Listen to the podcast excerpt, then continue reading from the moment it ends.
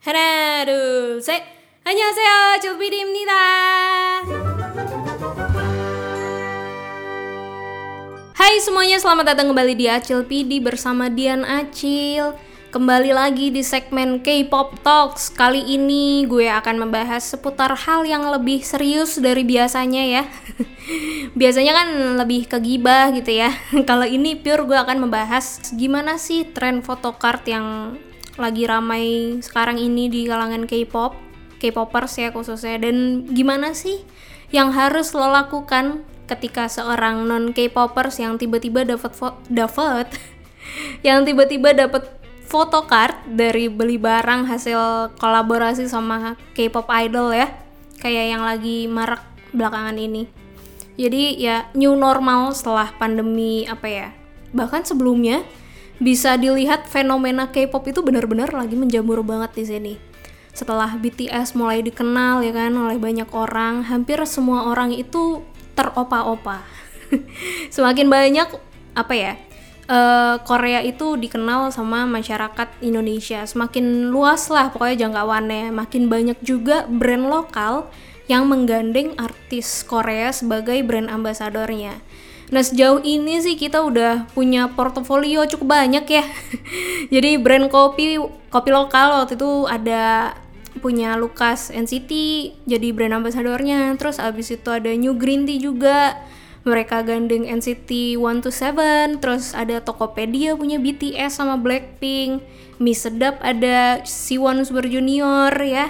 Terus dan yang baru-baru ini tuh ada brand kosmetik Everwhite yang gandeng Kim Son Ho aktor ya itu terus something ada NCT Dream terus Scarlet Beauty ada Song Joong Ki dan Twice dan sampai yang terakhir itu ada Lemonilo ya punya dia tuh mereka gandeng NCT Dream untuk brand ambasadornya Nah, tentu hal ini jadi keputusan tersendiri ya buat penggemar lokal juga membangun apa ya?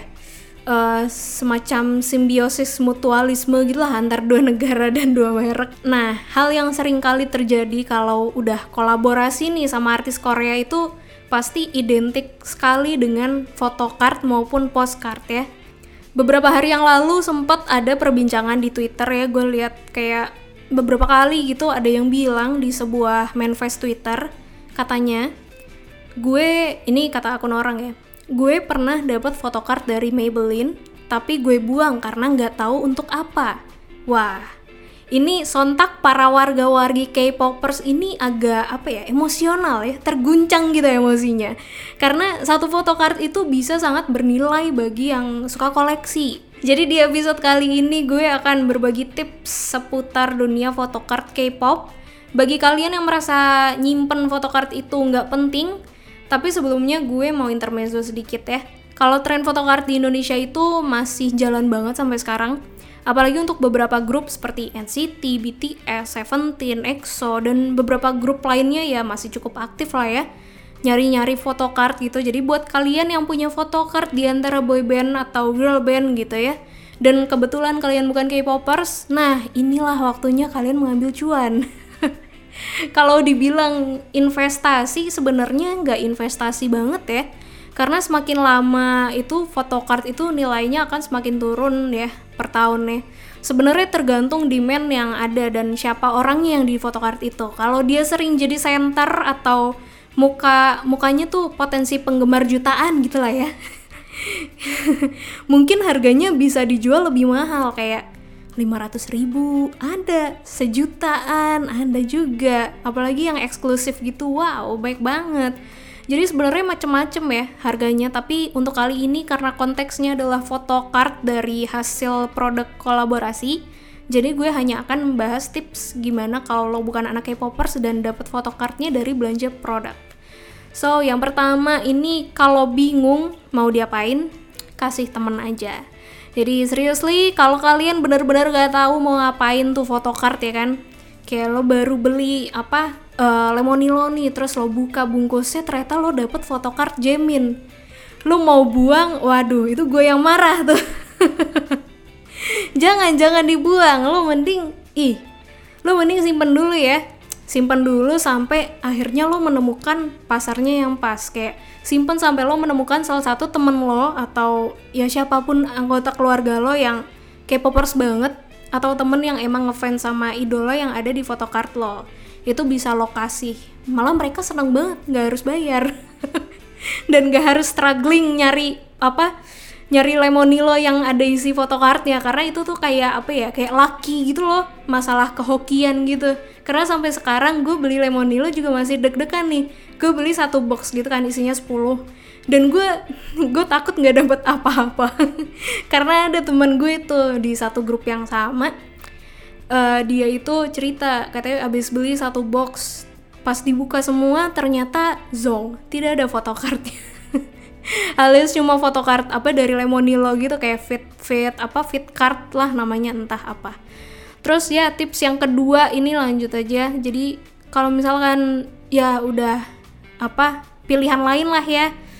Kalau nggak punya temen gitu atau kasihan banget sih. Ya pokoknya kalau kalau nggak ada temen yang suka K-pop kalian bisa langsung jual di Twitter.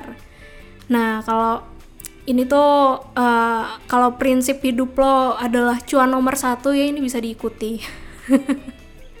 Walaupun emang agak ribet ya ngejual photocard itu karena preparation packagingnya cukup effort. Tapi sekarang udah banyak kok yang jual packagingnya di Shopee gitu. Jadi kalau lo pengen jual photocard terus nggak pengen photocardnya damage atau gimana karena kan sekarang uh, kolek kolektor photocard itu cukup rewel ya mereka kadang suka nanya ini packagingnya gimana? Dikasih cardboard atau enggak? Nah apa di shopee itu udah cukup banyak banget.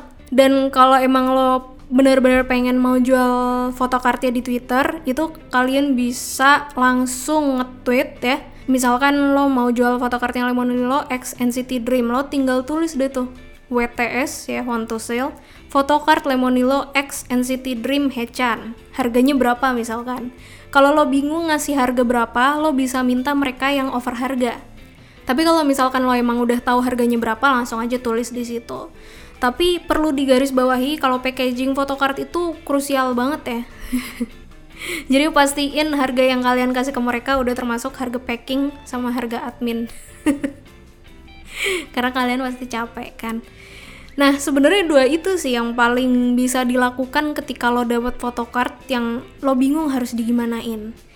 Tapi mungkin ya memang bagi sebagian orang photocard itu cuma sekedar kertas ya. Tapi bagi sebagian penggemar lain tuh kertas ganteng udah jadi bagian dari starter pack hidupnya. ya sama aja lah kayak kolektor kartu lainnya gitu ya. Kesannya kayak di apaan sih lu ngoleksi kertas? ya nggak apa-apa emang hobi aja. Ya pokoknya itu sih. Kalian kalau misalkan dapat photocard dari beli produk apa nih? Hasil kolaborasi siapa? Dan kalian nggak tahu mau gimanain kalian bisa ngelakuin dua hal itu ya. Tadi yang pertama ngasih ke temen yang suka K-pop ataupun jual di Twitter ataupun di IG story atau di mana lah pokoknya terserah kalian. Ya mungkin segitu dulu aja yang bisa gue kasih kali ini di episode kali ini ya. Kalau misalkan kalian suka podcast ini, silahkan share ke teman-teman kalian. Kalau ada request drama atau film Korea apa pun, langsung aja DM di Instagram gue di @dianacil ataupun Twitter gue di @dianacil underscore. Oke, Acil PD-nya udahan. Sampai bertemu di episode selanjutnya. Annyeong!